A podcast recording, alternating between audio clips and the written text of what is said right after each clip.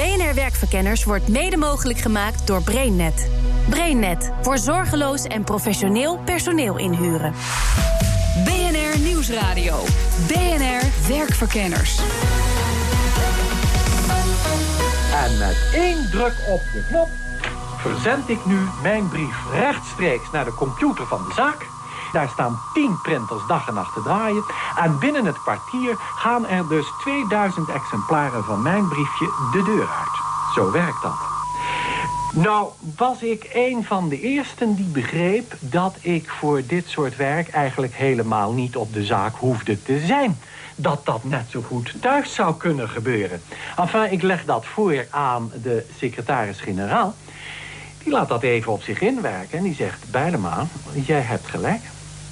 Jij hebt volkomen gelijk, maar hou dat alsjeblieft een beetje onder ons. Want dit is natuurlijk een bom onder het hele kantoor gebeuren. Dit waren Coat en Bie over telewerken in 1986. Ja, tegenwoordig is dat omgedoopt tot het nieuwe werken. Tien jaar geleden een enorme hype, maar nu hoor je er niet veel meer over. Is het zo gewoon dat je er niet meer over praat, of is er meer aan de hand? Deze uitzending de vraag: werkt het nieuwe werken nog wel? BNR Werkverkenners. Met Rens de Jong. Direct naar mijn eerste gast. Ik ben Gideon Hondenburg en ik ben verantwoordelijk voor uh, Leaseman in de Benelux. Leaseman. Uh, maar eh, de naam ziet er heel Nederlands uit. Leesman. Ja, zeker. Maar het is opgericht door Annie Leeson en Tim Oldman. Uh, dus ik zeg vaak Leaseman. Maar als je Leesman wil zeggen, vind ik het ook goed. Ah. Dat is mooi. Maar wat doen ze nou precies? Maar wij kijken naar wat een werkomgeving oplevert. Hoor, wat de waarde van een werkomgeving is. Uh, maar jullie zijn een soort uh, radioloog van de werkomgeving? Exact, ja, heel goed. Ja, nee, is, uh, dus wij scannen werkomgeving op 90 factoren. En op basis daarvan doe je diagnose, net zoals een radioloog zou doen. En daarna komen de doktoren die dan vervolgens gaan opereren, zullen we maar zeggen. Ja, ja. Nou, die Leesman-index is de grootste onafhankelijke verzameling van werkplekdata ter wereld wereld. Met de gegevens van 270.000 medewerkers van 400 bedrijven. En die werkplekken onderzoeken ze dus allemaal. Ik hoop overigens niet met allemaal scanners op een kantoor, toch? Nee, nee, zo, zo letterlijk moet je het niet nemen. Maar uh, nee, we, vragen, we stellen de medewerkers centraal. Je, je bouwt feitelijk je werkomgeving rondom die gebruiker. En daarom stellen we die gebruiker ook centraal. We hebben het in deze uitzending over het nieuwe werken. Ik denk een jaar of tien geleden was dat een enorm modewoord. He, iedereen ging nieuw werken, nieuw werken, nieuw werken. Is dat veranderd? Ja, zeker. Ja, zeker. Het, het, nieuwe werk bestaat al 25 jaar. Hè. Dus zo nieuw, dus nieuw, zo, zo nieuw was het ook helemaal niet. Nee, nee dus Interpol was denk ik de eerste hè, op, op, op, uh, samen met Vel toen. Hè, die heeft het uh, geïntroduceerd. Het is gepusht vanuit de overheid. Uh, ook om mobiel te werken, om thuis te werken, tele te werken. Het wordt ook nog wel eens verwacht met puur het delen van bureaus. Uh, maar je ziet nu wel een verandering hoe organisaties naar het nieuwe werken kijken. Wat is dus- de verandering? Dus acht jaar geleden, denk ik, is dat heel veel organisaties die staken het in vanuit een kostenbesparingsperspectief. Je had 100 medewerkers, je had 100 bureaus, die zaten allemaal in privékantoortjes. Eh, er was zoveel vierkante meters. Nou, laten we daar grote open ruimtes van maken met een flexfactor van 70 procent. Hebben we nog maar 7 bureaus nodig op 10. Je hebt minder eh, gangpaden nodig, dus je bespaart enorm veel geld qua uh, vierkante meters met, met, met, met, met in de gedachte dat het meest kostenefficiënt is... dat je zo min, zoveel mogelijk mensen op zo min mogelijk vierkante meters propt. Ah, maar dat was stiekem gewoon de hidden agenda. Zorgen dat, uh, nou, dat, dat de huisvestingskosten naar beneden gingen. Het is een beetje gechargeerd natuurlijk. Er werd een mooi sausje overheen uh, gelegd qua uh, zitzakken en tafelvoetbalspellen... en een mooi verhaal over verbinden en ontmoeten. En de kostenbesparing is ook niet slecht, dat hoor je mij ook niet zeggen. Het kan nog steeds een van de drivers zijn om zo'n project te doen...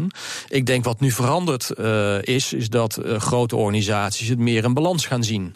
Dus het is ook de vraag van hoe meet je, de, hoe meet je het succes van zo'n project? Is dat puur uh, kostenbesparing en bij het koffiezetapparaat horen van of het, goed, hè, of het goed bevalt? Of ga je echt op een gefundeerde manier kijken hoe goed die werkomgeving ja, is? Want, als ik het goed begrijp, is jullie doel, hoe richt je de werkomgeving zo in dat mensen het meest gemotiveerd blijven? Ja, en uiteindelijk is dat bottomline, levert je dat meer op. Ja. En daar zie je ook de verandering van organisaties. Dus je ziet nu dat er steeds meer bewijs komt dat de werkomgeving impact heeft op ziekteverzuim. Dat de werkomgeving impact heeft op het aantrekken en behouden van talent. Uh, et cetera. Dat de werkomgeving impact heeft op productiviteit. Ja, nou ja, voordat we het hebben over hoe je die nieuwe werkplek goed moet inrichten, wil ik eerst meer informatie hebben. Want wat houdt dat nieuwe werken nou precies in? Ik weet wel iemand die me dat kan uitleggen. Ja, ik ben Nick van der Meulen. Ik ben uh, universitair docent in informatiemanagement aan de Universiteit van Amsterdam. En um, uh, Nick, jij praat al heel lang. Ben jij een soort expert op het gebied van nieuwe werken? Um, ik ben gepromoveerd op het effect van tijd en plaats onafhankelijk werken op de prestaties van kenniswerkers oh ja, en okay. organisaties. En, en waarom ben je dat ooit gaan doen? De trigger eigenlijk voor dit specifieke onderzoek was dat er heel veel werd gezegd van ja, dit is heel erg goed voor de performance van, van medewerkers. En ik zei, ja, maar waarom dan? En waar is dat bewijs? En dat bewijs was nergens te vinden. Dus toen dacht ik, ja, iemand moet dat. Ja, had je een soort wetenschappelijke duty calls van uh, er wordt maar wat geroepen, ik ga dat uitzoeken. Ja, ja een soort van wel, ja. ja. En waarom is het, heeft het je ooit getriggerd? Waarom dacht je van ja, dat, dat werken is voor mij iets boeiends? Nou, het kwam bij mij primair vanuit de technologie. Het was oh. dat ik dacht, wat ik zelf interessant vond, nou, dan zitten we 2007, 2008, hè, iPhone was net uit en alle videoconferencing begon ook net een beetje te komen. En ik zei, ja, wacht, iedereen gaat dit dadelijk doen, iedereen gaat dit gebruiken. We moeten weten hoe we dat het beste kunnen doen. Um, dus ja. je bent eigenlijk een beetje een nerd. Nou ja, ik, heb, ik ben een, nu een assistent-professor of uh, universitair docent in informatiemanagement. Dus ja, ja deelt nee, wel. Ja. Gedeeld wel, ja. Um, doen bedrijven het veel, het nieuwe werken? Um, er zijn wel veel organisaties die met, met onderdelen van wat je het nieuwe werk zou kunnen noemen bezig zijn. Ja, met echt harde cijfers over het nieuwe werken aan zich, uh, die zijn er niet echt. Kortom, genoeg. wij hebben meer een definitie nodig van het nieuwe werken. Hoe definieer jij flexibel of het nieuwe werken? Uh, ja, dat is dus het probleem. Dat, dat heb ik heel lang geprobeerd om dat uh, te definiëren. En daar is eigenlijk niet aan te beginnen. Dus eigenlijk kun je zeggen, het bestaat, het is een uh, verzamelterm. Die eigenlijk drie componenten beslaat. Eén is een heel erg fysiek component. Dus denk aan gebouwen. En veel voorbeelden die mensen daarbij kennen zijn de open, flexibele werkomgevingen.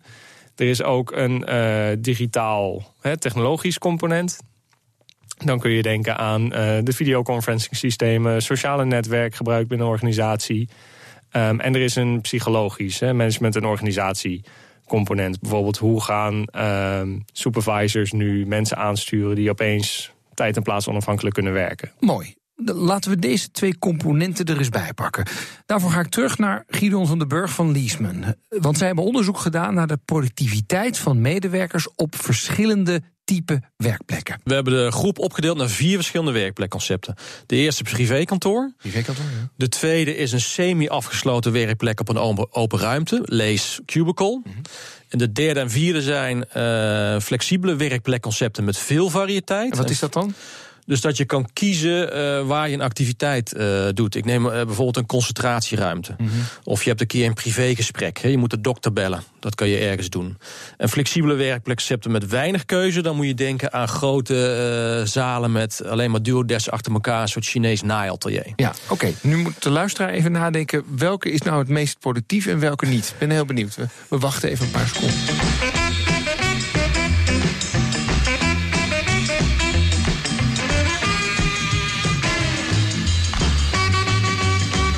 Okay, welke was het minst productief? Het minst productief was de, de, waren de flexibele werkplekconcepten met weinig variëteit. Het Chinese, het Chinese naaiatelier.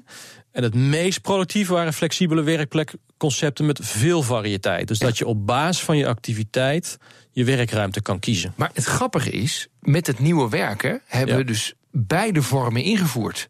We hebben gezegd, ja. ja. hier heb je een enorme ruimte met allemaal ja. tafels. Ga er lekker zitten. Ja. En, en, en, en, en nou ja, wie het eerst komt, wie het eerst maalt. En we hebben plekken ingevoerd waar je nou, verschillende taken kunt uitvoeren. Nou, en dat is ook precies wat wij zien in de database. Voor onze data, als je die dwarsdoorsnijders maakt op die totale benchmark... dan zie je dat je dus hele goede het nieuwe werken projecten hebt... en hele slechte. Oké, okay, en hoeveel verschilt dat dan? Want bij die hele goede. Nou, dan hoeveel... moet je denken aan uh, 70 procent uh, is het ermee eens dat men productief kan werken in de werkomgeving. En bij hele slechte is dat 30 procent. Dus moet je voorstellen, 1 op de 3. Ja? Eén op de drie mensen die naar kantoor komt, die kan daar eh, goed, goed zijn ding doen. Dus moet je, zeggen, moet je voorstellen, twee op de drie stapt elke dag in de auto, trotseert de files of het OV, om vervolgens in een werkruimte te komen waar die eigenlijk niet kan functioneren. En waarom hebben we dat dan ingevoerd? Nou, ik, ik, denk met name, kijk, wij zijn natuurlijk maar een eenvoudige radioloog, uh, maar je kan wel wat gissen. Ik denk met name vanwege die kostendriver. Want leg mij nog even uit, het flexibele werkconcept zonder veel uitwerkmogelijkheden. Wat is daar zo mis aan dan? Dus je moet je voorstellen, de eerste persoon zit geconcentreerd te werken. Die is, die, is, die is een stuk aan het lezen voor een vergadering die komt. De tweede persoon is hard aan het bellen. Nummer drie en vier komen net uit de vergadering. En die vergadering gaat nog door op de werkplek. Daar is de, het bureau nog steeds het centrum van de productiviteit. Je zou eigenlijk je, je werkruimte moeten kiezen op basis van de activiteit. En op basis van jouw voorkeur. Als je dus vanuit de kosten hebt, hebt, hebt geredeneerd, dan zijn die werkplekken er niet. Want het ene wat je hebt gedaan is koppen geteld, een flexfactor eroverheen gegooid. Uh, en vervolgens uh, succes tegen de medewerkers uh, gezegd hebt. Ja, veel succes en doe het er maar mee. Ja, zo'n flexibele werkplek met veel variatie zorgt voor de meeste productiviteit. In Nederland is er een goed voorbeeld van zo'n plek, namelijk het kantoor The Edge van Deloitte in Amsterdam. Die is zelfs zo nieuw en geavanceerd dat CNN er een kijkje kwam nemen. The Edge is more than a building. It's like a living, breathing structure that has thought about you before you've even set foot through the front door. You need to find your colleague Ask the Edge and its app. Booking a room? Want to adjust the blinds? The Edge and the app are your friends. This is the future of smart buildings. Altijd heerlijk, hè? Richard Quest. Um, daar wil ik meer van weten en dus bel ik even met Chief HR bij Deloitte, Sander Nieuwenhuizen. Zijn de medewerkers door dit gebouw dan ook productiever geworden? Je kunt zeker een correlatie eh, zien, maar of dat een kausaal verband is, weet ik niet. De afgelopen twee jaar is de productiviteit bij Deloitte uh, omhoog gegaan. Als je gewoon kijkt naar onze resultaten, uh, die zijn heel goed. En, en uh, dat drukt zich ook uit in productiviteit. Dat komt door productiviteit. Maar ehm, de omgeving en technologie dragen bij aan die productiviteit, ongetwijfeld. maar dat is niet alles. Nieuwe werken is natuurlijk ook cultuur. Hoe geef je mensen meer eigen verantwoordelijkheid? hoe laat je ze hun eigen tijden bepalen? Stuur je meer op output dan op input? Het is meer dan alleen maar technologie en een gebouw. Zometeen gaat mijn onderzoek verder en dan hoor je waarom het belangrijk is dat je verschillende werkzaamheden op verschillende plekken doet. En je hoort wat de bedrijven met de beste werkplekken precies goed doen. Tot zo. BNR Nieuwsradio. BNR Werkverkenners. Vandaag onderzoek ik of het nieuwe werken nog wel werkt. Mijn naam is Rens de Jong. Leuk dat je luistert. Ik word geholpen door Nick van der Meulen, die al tien jaar onderzoek doet naar het nieuwe werken. En door Gideon van den Burg. Hij is directeur van Leaseman Benelux. En zij doen onderzoek naar de effectiviteit van werkplekken. Gideon vertelt me dat als je ingewikkeld werk doet, het verstandig is om af en toe van werkplek te wisselen. Mobiliteit is dus belangrijk voor productiviteit, blijkt uit onderzoek van zijn bedrijf. Iedereen heeft de vraag moeten antwoorden van doe je bijna alle activiteiten of alle activiteiten op één werkplek? Of kies je op basis van je activiteit een verschillende uh, werkruimte. Nou, mobiliteitsprofiel 1 en 2 zijn de meest traditionele. Na de hand hebben ze de kampeerder genoemd. Dat hebben we niet in de vragenset gedaan, uiteraard. Anders selecteert niemand dat, uh, nee. dat maar die kamperen op, op, uh, op hun werkplek. Ja, komen die, die, die, komen binnen, hangen een jasje op. die bezetten ook nog die werkplek de hele dag. Omdat die de hele dag in meetings zitten. Maar goed, de, de kamperen. Um, dat is mobiliteitsprofiel 1 en 2. En mobiliteitsprofiel 3 en 4, dat zijn meer de nomades. Hè? Dus die kiezen op basis van activiteiten en hun eigen preferentie een andere werkplek. Nou, wat zie je nu in onze data? Is dat 3 en 4 veel hoger scoren weer op die productiviteitsvraag en die trotsvraag. Oké, okay, dus we hebben vier groepen. Nummer 1 en 2 een beetje de kampeerders. Ja. En nummer 3 en 4 de nomaden. Ja. 3 en 4 zijn een stuk productiever. Maar hebben we er veel van op kantoor? Nee, dus we hebben hè, dus maar 29% zit in mobiliteitsprofiel 3 en 4. Dus ze kiezen op basis van activiteiten verschillende werkruimten. En mobiliteitsprofiel 1 en 2 hè, zit dus uh, 71% in. En het is er wel op die kantoren. Ze kunnen wel kiezen. Ja, dit zijn data van activiteit gerelateerde werkomgevingen. Dus die hebben een zo'n dergelijk concept ingevoerd. Dus de populatie maakt er nog niet optimaal gebruik van. Ja, maar dan, als we de vraag stellen: werkt het nieuwe werken? dan moeten we eigenlijk een paar vragen beantwoorden. Eén, hoe hebben we het ingevoerd? Jij Ja. zegt, als je het nieuwe werken hebt ingevoerd, tijd geleden... voer het dan niet in als een Chinees na- naaiatelier... maar Ja. zorg ervoor dat mensen Variëteit. variëteit hebben. Ja. Maar tweede, moeten de mensen het wel gaan doen? En dat doen ze niet. Ja, nou, en daar hebben we ook naar gekeken. Eh, dus we hebben gekeken naar obstakels die binnen het activiteitsgerelateerd werk zitten. Dus we hebben eerst gekeken naar de vraag van... stelt, hè, dus stelt de werk, moedigt de werkomgeving jou aan... om uit verschillende werkruimtes te kiezen. Tweede is, eh, is de virtuele werkomgeving. Dus heb je IT-faciliteiten die dat, die dat in staat stellen. Heb je overal wifi, kan je overal bij je bestanden... kun je makkelijk je presentatie delen. Nummer drie is, eh, is het cultuur en gedrag. Is dat er ook na? Dus heb je wellicht een manager die op aanwezigheid stuurt, die je de hele dag moet zien, of vindt hij het prima als je overal je, je job doet, hè, zolang je maar resultaat bereikt. En vier is, heb je ook eh, de opleiding en support en training gehad. Dus weet je hoe het moet. Nou, op bijna al die vragen was, waren de scores zo rond de 70, 80 procent. Dus hartstikke hoog. Dus wij waren enorm verward toen we voor de eerste keer die data zagen. Dat is iets van, hoe kan dat nou? Maar toen we ze over elkaar heen legden, zagen we dat maar 46 procent over al die facetten positief was. En dan komt hij. Dus je kan wel een, een fysieke werkomgeving hebben met veel variëteit. Je kan ook nog alle IT-faciliteiten hebben die in staat stellen dat je overal kan gaan zitten. Maar als het cultuur en gedrag er niet naar is, dan ga je het niet doen. Dus als je één obstakel hebt, dan ga je remmen hè, in het feit dat je dus van die werkruimtes eh, gebruik gaat maken. En wat we ook zien, is dat we eh, met name de gedragscomponent in het nieuwe werkenproject, die wordt onderschat. Als je niet op gedrag gaat sturen, dan gaan mensen er dus ook geen gebruik van maken, stellen onze data. En dat gedrag van een kampeerder, een nomade maken, dat is het lastigste. Want de psychologische kant van het nieuwe werken, dat is het moeilijkste, zegt ook Nick van der Meulen. Eh, gebouwen, IT, dat soort componenten, dat kun je bijna uit de kast trekken. Om het he- even te chargeren natuurlijk. Maar die psychologische kant, echt mensen meekrijgen in... oké, waarom doen we dit? Ehm, waarom is dit belangrijk voor onze organisatie? Hoe gaan we dit goed ehm, invulling geven? Hè? En ook, hoe kun je dadelijk als manager nu goed je mensen aansturen? Nou, dat soort dingen is veel lastiger, omdat... Ja, we zijn nou eenmaal als mensen gewoontedieren. Ehm, we zijn gewend om bepaalde dingen op een bepaalde manier te doen. En als er dan opeens iemand komt die zegt van... nee, we gaan het totaal anders doen... of ja, dat, eh, dat is lastig. En- als je dan kijkt naar die psychologische component, managers vinden dit dus lastig. Topmanagers, middelmanagement, wie vinden het lastigst?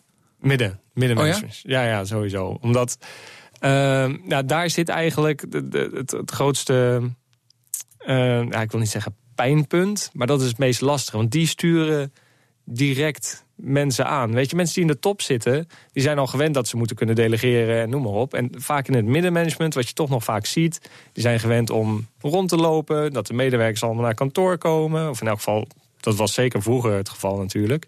Ehm, ja, en dan konden ze zien, jij bent aan het werk. Of jij bent er in elk geval en je bent druk aan het typen op je toetsenbordje. Dus dat zit allemaal wel goed. Ehm, en nu is het even, ja, ik zie ze niet. Hoe weet ik dan dat ze goed werk leveren? En moet ik dan gaan kijken naar output? En waar moet ik dan in één keer op gaan beoordelen? En gaat het niet helemaal naar de haaien dadelijk met het, met het groepsgevoel en met de kennisdeling en de inno- innovatie? En, w- Het lijken me allemaal hele legitieme vragen. ja. ja, klopt. En ik, eh, Nee, nou, laten we kijken naar de resultaten. Onze vraag is: werkt het nieuwe werken? en bij ons is de vraag: werkt het nieuwe werken nog? Aan jou het antwoord. Eh, jazeker. Als je er goed over nadenkt van wat moet ik doen voor mijn organisatie, en dan geef je goed invulling aan, dan werkt het zeker. En hoeveel procent productiviteitsverandering kunnen wij zien? Eh, dat ligt er helemaal, verschilt per organisatie, maar aan, aan meer dan 10% zou ik niet denken. Maar wat moet je nou als bedrijf doen om het goed in te voeren? Gideon van den Burg vertelt wat bedrijven die hoog scoren in hun onderzoek goed doen. Wij zien wel, hè, als we analyses maken op die hoogscorende bedrijven, Leasman Plus ten opzichte van de rest, dan zien we een aantal interessante doorzichten. Dus die, zijn, die scoren op alle scoren ze beter, hè. laat dat voorop staan. Maar op vijf punten scoren ze significant beter. Eerste punt is eh, ontspannen en pauzeren.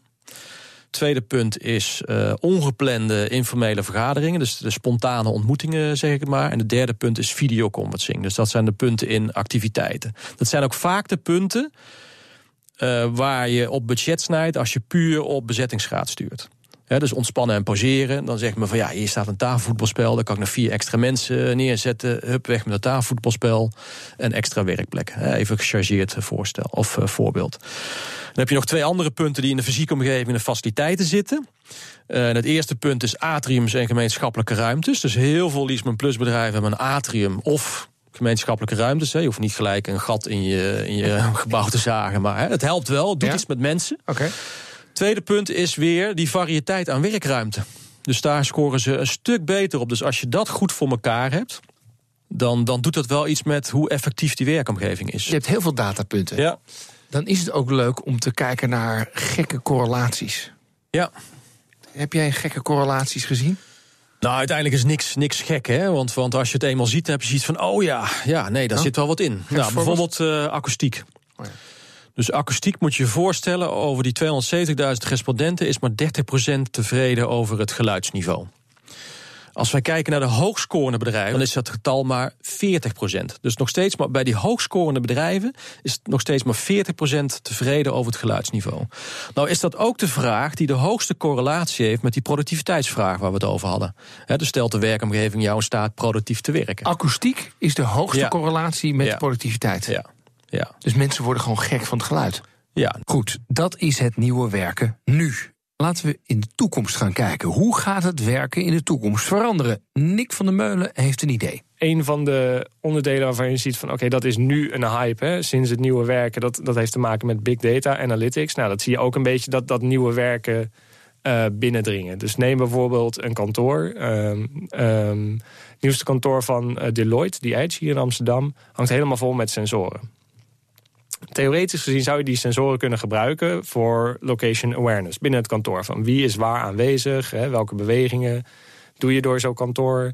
Eh, ze kunnen ook kijken van, eh, want je moet je medewerkerspasje gebruiken bijvoorbeeld om een locker te openen. Ze kunnen zien van oké, hoe gebruik je die? En dus daar kunnen ze ook weer analyses op uitvoeren. Dus dan heb je een deel fysieke omgeving, deel IT, maar ook een deel gedrag. Dat je mensen bijvoorbeeld aan zien van joh, eh, die locker heb je al weet ik het hoe lang in gebruik. Nu twee maanden, je hebt er niet één keer geopend. Die moet je gewoon weer beschikbaar stellen. Of dat je gaat zeggen van, oh we zien dat je heel vaak op die afdeling werkt. Er zitten collega's met ongeveer vergelijkbare expertise of een project waar je ook aan zou kunnen. Misschien moeten jullie eens een keer met elkaar praten. Of weet je, dat soort dingen. Is dat allemaal theorie of wordt dat al in de praktijk gebracht? Ehm, volgens mij met de lockers wordt ondertussen in de praktijk gebracht. Dat ligt iets minder gevoelig, zoals je kunt begrijpen. Ik denk dat de location awareness, dat, daar, dat is mogelijk. Maar daar hangen nog wel heel veel eh, ja, vraagtekens aan op het gebied van privacy Ja, natuurlijk. ja dus, dus eh, de nieuwe slag bij het nieuwe werken is data gebruiken om mensen productiever te maken. Ja. En de uitdaging is dat het niet voelt: Big Brother is watching you. ja, precies. Kijkend van ben jij wel hard genoeg aan het werk? Want dan hebben we in plaats van vrijheid alleen maar een digitale ketting aan onze arm. Ja, ja dat, dat, dat klopt helemaal. Maar wacht even, we hebben in Nederland dat geavanceerde gebouw van die Edge staan, van Deloitte. Toch even terug naar de chef HR daarvan, Sander Nieuwenhuizen. Ehm, wat vindt hij van dat toekomstbeeld van het inzetten van big data om de productiviteit te verhogen? Ik kan me er wel iets bij voorstellen dat je natuurlijk volgt hoe werkplekken benut worden. Maar om dat nou direct te koppelen aan hoe kunnen mensen nog productiever worden, dat vind ik ook wel een beetje Big Brother klinken. Ik, ik zou eerder zeggen, hoe kun je mensen dan nog betere werkomstandigheden geven. En dat dat uiteindelijk dan resulteert in productiviteit, dat is dan heel mooi. Maar als dat in, in werkplezier resulteert, is dat net zo mooi. Het is geen fabriek. BNR Werkverkenners. De conclusie. De vraag deze uitzending was: werkt het nieuwe werken nog? Nou, de kenners zeggen jazeker, maar dan moet je het wel goed doen. Een flexibele werkplek met veel uitwerkmogelijkheden is goed voor de productiviteit. Maar dan moeten wel mensen aangespoord worden om te wisselen van plek. Maar als je nou flexplekken inricht waar je geen uitwijkmogelijkheden hebt, het Chinese naaiatelier, vaak gestuurd op kostenbesparingen, dan gaat je productiviteit compleet naar de haaien. Twee keer flexibel, één keer goed, één keer fout. De vraag is even, in wat voor een kantoor zit u precies? Volgende week onderzoek ik de vraag hoe jij je carrière succesvol kunt omgooien. Vind je deze uitzending leuk? Like ons dan op iTunes en op LinkedIn. En graag tot de volgende keer. Dag. BNR Werkverkenners wordt mede mogelijk gemaakt door BrainNet. BrainNet voor zorgeloos en professioneel personeel inhuren.